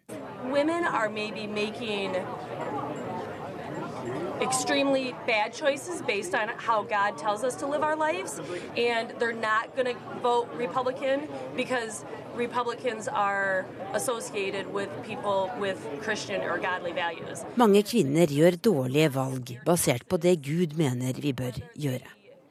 Slike kvinner stemmer ofte på demokratene, sier Amy Dornhardt, og venninnene rundt bordet nikker. Og det var utenriksmedarbeider Tove Bjørgaas som hadde møtt Charles Murray i eh, Washington. Ja, dette er Nyhetsmorgen på P2 Alltid nyheter. Vi har disse hovedsakene. Én av tre jobber utenom normalarbeidstid. Nå vil fagbevegelsen ha kveldsåpne barnehager. Legevakta bruker for lang tid på skaderapporter om voldtektsofre, og sinker politiets etterforskning, mener statsadvokaten i Oslo. Og så er skattelistene ute i dag, men de viser på langt nær sannheten om hvor rik eller fattig du er. Politisk kvarter eh, kommer nå. Du har fått besøk av en nyslått forfatter, faktisk. Per Arne Bjerke. Ja, Dagfinn Høybråten har skrevet bok der han forteller om interne maktkamper, politiske seire og nederlag. Og SV slåss for å overleve. I helgen tjuvstarter partiet valgkampen.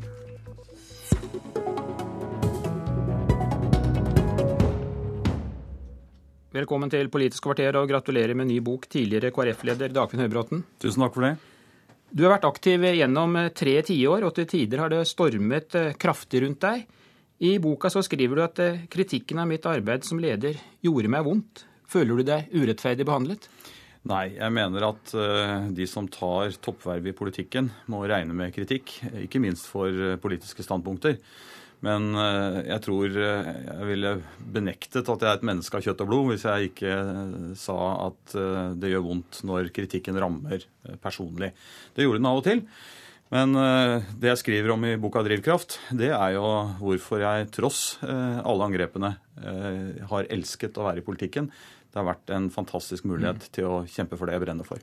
Men så har det også vært eh, mye bråk underveis. Som vi hørte i nyhetene tidligere i morges, så mente dine to nestledere, Dagrun Eriksen og Inger Lise Hansen, at du burde gå av umiddelbart valgnatta 2009, etter at KrF hadde gjort et historisk dårlig valg. Hvorfor gjorde ikke du som venstreleder Lars Bonheim tok din hatt og gikk?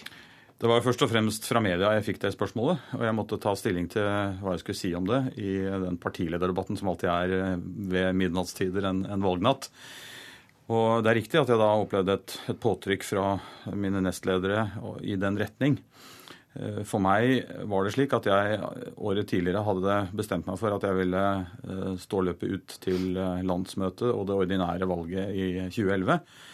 Og jeg så ikke valgresultatet der vi tapte et stortingsmandat. Gjorde riktignok et veldig dårlig valg. Men jeg så det ikke som tjenlig for partiet hvis jeg i panikk skulle kaste kortene. Det var en helt annen situasjon KrF var i, enn det Venstre var i, som uh, tapte mesteparten av sine stortingsplasser, og hvor lederen røyk ut av Stortinget. Sponheims valg uh, var forståelig. Et slikt valg fra min side ville ikke vært forsvarlig. Nå var jo ikke alltid samholdet i partiledelsen det beste, verken valgnatta eller ellers. Hvordan opplevde du det da Inger Lise Hansen, nestlederen din, kom med flere kontroversielle uttalelser som brøt med partiprogrammet?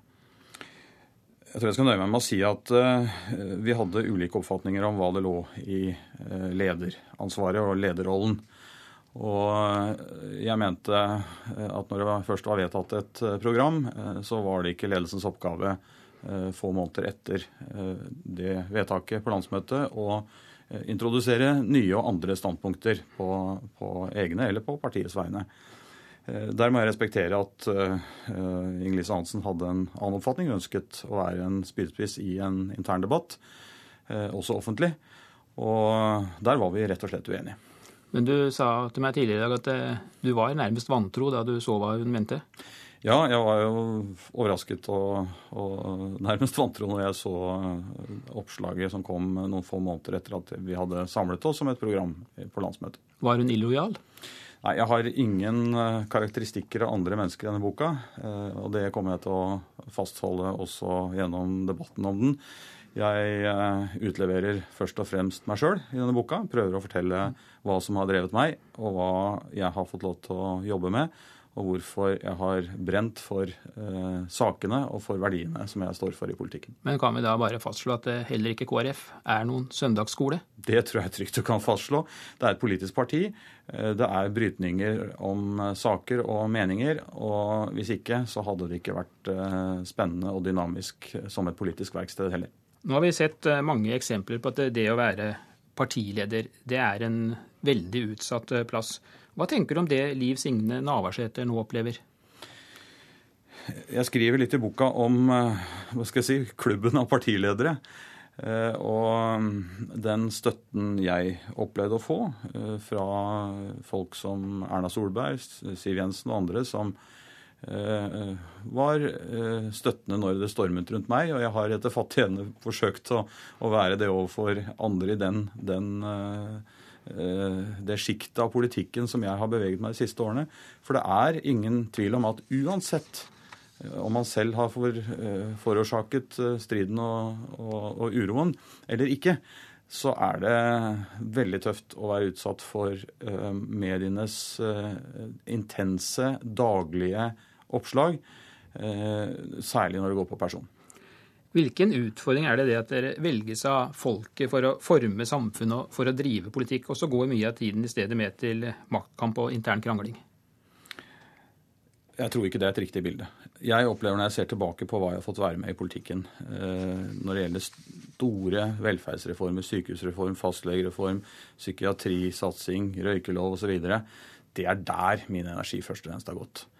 Og så er det klart det er litt plunder og heft underveis. Eh, når man ser tilbake på det, så blir det episoder mer enn de store linjene. Og jeg er veldig glad for at jeg har eh, det, fått det privilegium for lov til å skrive en bok hvor jeg har kunnet trekke inn noen store ja. linjer. Ja, for du syns sikkert det er mer moro å snakke om politiske seire enn intern krangling. Og røykeloven vil jo for alltid da være knyttet til ditt navn, Dagfinn Høybråten. og en av de største kampene de måtte du faktisk, faktisk ta innad i regjeringen, mot Høyre, som var negativ til hele loven. Hvordan klarte du å presse Høyre på plass? Ja, Det måtte jo en regjering til for å fremme dette forslaget. Og Jeg sjekket ute i Stortinget om jeg hadde noe støtte der, og jeg hadde ingen støtte fra Fremskrittspartiet. Og Bjarne Håkon Hansen bare sa at vi får vente å se hva regjeringen kommer med. Jeg hadde støtte i LO hos Geir Valla. Men jeg var avhengig av å få med meg Høyre. Og um, da Høyre diskuterte det første gang, så var det vel bare Bent Høie og, og, og en par til som var enig med meg i Høyres stortingsgruppe. Så kom Jan Petersen, partilederen, inn i bildet. Han så meg inn i øynene en gang vi satt sammen i Stortinget og sa Dagfinn, denne saken kan ikke du tape. Nei, det riktig, sa jeg. Da gikk han eh, få dager etter i Høyres stortingsgruppe og forklarte hvor skapet måtte stå. Eh, denne saken måtte bli slik eh, Dagfinn hadde sagt. Så det er egentlig Jan Petersen som er røykelovens far, da? Han er i hvert fall en jordfar, om man kan bruke det uttrykket. Og jeg har spøkt med Jan Petersen eh, flere ganger og sagt at den gangen kunne vi dele skylda. Nå er det vel sånn at vi kan dele æren. I denne tiden så haglet jo skjellsordene over deg. Mulla, mørkemann, moralist, helsefascist, fundamentalist, ayatollah. Hvordan opplevde du dette selv? Det var jo ganske heftig. Eh, det mest heftige var at jeg ble fratatt mye av min personlige frihet ved at jeg ikke kunne bevege meg fritt på åpen gate. Jeg måtte kjøres bare 500 meter fra eh, regjeringskontorene til Stortinget f.eks. Eh, og det jeg, tenkte ofte over den gangen er det verdt det? Når jeg ser på det i ettertid, så er jeg jo ikke i tvil om at det var verdt det. Og jeg har jo opplevd det som få politikere får oppleve, nemlig å være skurk og helt i samme drama. Nå er, eh, er, det nesten ikke en dag uten at folk kommer eh, bort til meg på gata og takker meg for røykeloven. Du skriver litt om eh, hvor tøft det var i innledningen til boka di, om drapstrusler og væpnede vakter, og at du gråt dine tårer. Men hva er det da egentlig som driver deg? Du har vært litt inne på det, men hva er det egentlig som gjør at du orker å holde på med dette her år etter år? Når jeg virkelig har måttet gå ned i kjelleren og kjenne etter, så er det den fantastiske tanke at alle mennesker er like mye verdt. Eh, uansett hvor de bor, uansett hvor fattige de er, uansett hvor sårbare de er. Det er det som har drevet meg. Det er det som har inspirert meg. Det er der jeg har hentet mine visjoner. Og det er der jeg har vært når jeg har eh, måttet gå lengst ned for å kjenne etter hvorfor driver du med dette. Så kan vi jo fastslå at eh, du kanskje fikk rett til slutt, i hvert fall når det gjelder røykeloven. I stedet for å være skurk, så ble du helt, og du har fått spisesteder oppkalt etter deg. Du skriver at du av og til slenger innom Høybråten konjakk og sigarbar i Oslo, men uten å røre verken sigaren eller konjakken, formod det? Nei da, men jeg spiser alltid en Høybråten-burger som de har på menyen der nede. Ja, takk skal du ha, Dagfinn Høybråten, for at du kom hit, altså som har utgitt boka 'Drivkraft', som kommer på mandag. Over jul så forlater du Stortinget for å bli generalsekretær i Nordisk råd.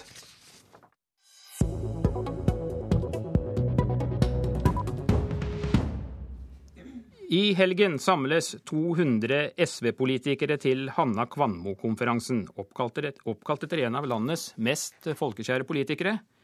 Nestleder Inga Marte Torkelsen, hva var det Hanna Kvanmo fikk til som dere ikke har klart? ja, det var i hvert fall eh, å være folkekjær, selv om dette går jo i eh, bølger. Men vi har jo noen ambisjoner om å eh, bli folkekjære politikere enn vi også. Og det Virker det er stykket ditt, da. Nei, jeg tror jeg ikke noe på.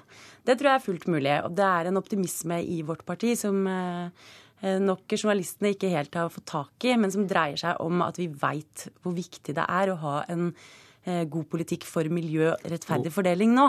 Men, eh, I den tida vi lever i, så er det de store krisene som egentlig preger verden. Og da trenger man også å ha et systemkritisk parti som er tydelig på alternative retninger. Jo, men Det er ikke bare journalistene som ikke har fått tak i dette. Inga Marte Torkelsen. I dag, dag er en ny meningsmåling i Dagens Næringsliv 3,8% Dere er i ferd med å falle ut av Stortinget. og Er ikke det noe rett og slett en kamp for å overleve dere driver? Vi driver en kamp eh, for å få en annen retning eh, på politikken eh, internasjonalt og også eh, nasjonalt til dels. Det handler også om å forsvare mye av det vi har oppnådd. Framover så kommer det til å bli nok en spissa politisk debatt rundt hvilken retning Norge skal ta. Skal vi være et land som har små forskjeller, som satser på fellesskapsløsninger, og som er opptatt av miljø, også på vegne av kommende generasjoner? Eller skal vi gå mer i retning av større forskjeller og en mer individuell tilnærming, der hvor det er mer opp til en sjøl og ens egen rombok hvilken frihet vi skal ha. Eh, og der er jo eh, vår tru at det er mulig for et parti som er eh, veldig opptatt av både miljø og rettferdig fordeling, at det skal være mulig å, gjenreise seg. Og jeg tror at um, nettopp det at vi står oppe i en krisetid der hvor forskjellene rundt oss i landet til land bare øker, og hvor mange nå ser hvor alvorlige miljøproblemene mm. er. Det gir en mulighet også for en debatt som handler ja. om noe mer eh, enn bare hvor ja. mye penger man skal ha i lommeboka. Men nå skal du på konferansen i helgen snakke om det nye arbeidsprogrammet. Nå kan du, skal du få lov å være helt konkret her. Kan du nevne to poster i det nye programmet som skal få velgerne tilbake til SV? jeg har ikke tenkt å lekke programmet her nå, fordi at jeg skal legge fram hovedsakene i morgen. Og da er det de tre hovedsakene som jeg skal legge fram, de tre nasjonale reformene.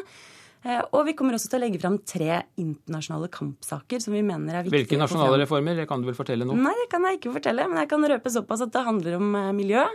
Det handler om rettferdig fordeling, og så handler det om kunnskap og barns oppvekstvilkår. For det er de tre viktigste eh, verdispørsmålene i vår tid. Og derfor så er det de områdene vi eh, prioriterer fortsatt. En av de store utfordringene for dere er jo at dere har mistet eh, tillit også blant kvinnene, som tidligere var en veldig viktig velgergruppe. Hvorfor svikter kvinnene dere?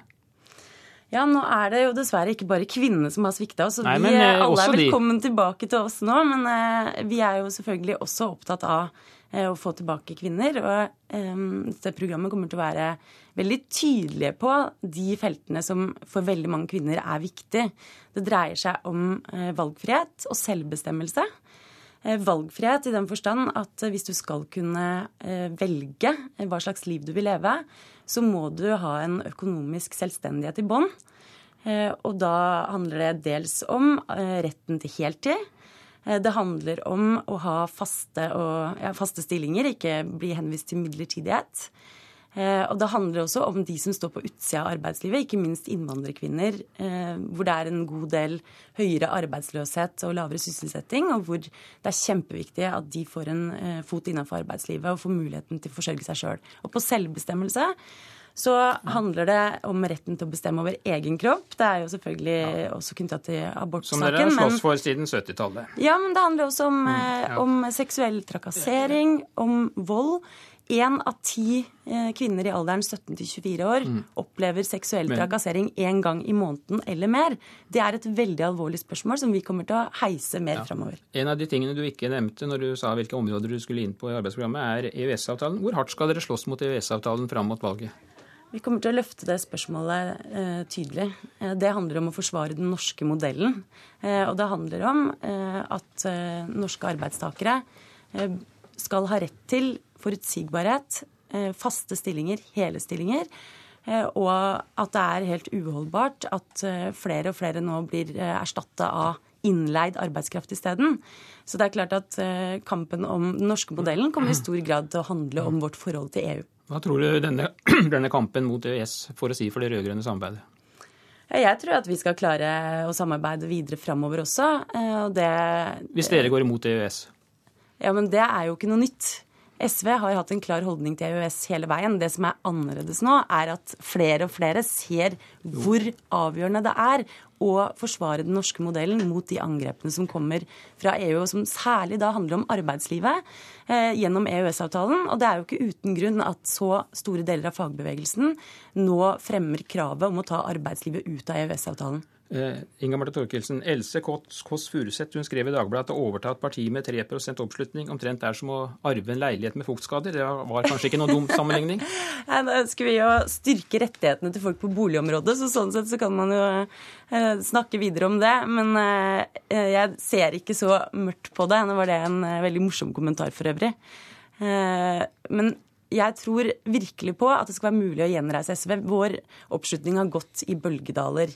Og det har den alltid gjort. Opp og ned. Eh, og nå er vi veldig klare på at eh, dette valget kommer til å bli så avgjørende for hva slags retning Norge tar framover. Det å få et land, et annerledes land, som kan vise en alternativ retning til økende ja. forskjeller og økende miljøproblemer, det er viktigere enn noen gang. Takk skal du ha, Inga Marte Torkelsen. Og det var Politisk kvarter. Jeg heter Per Arne Bjerke.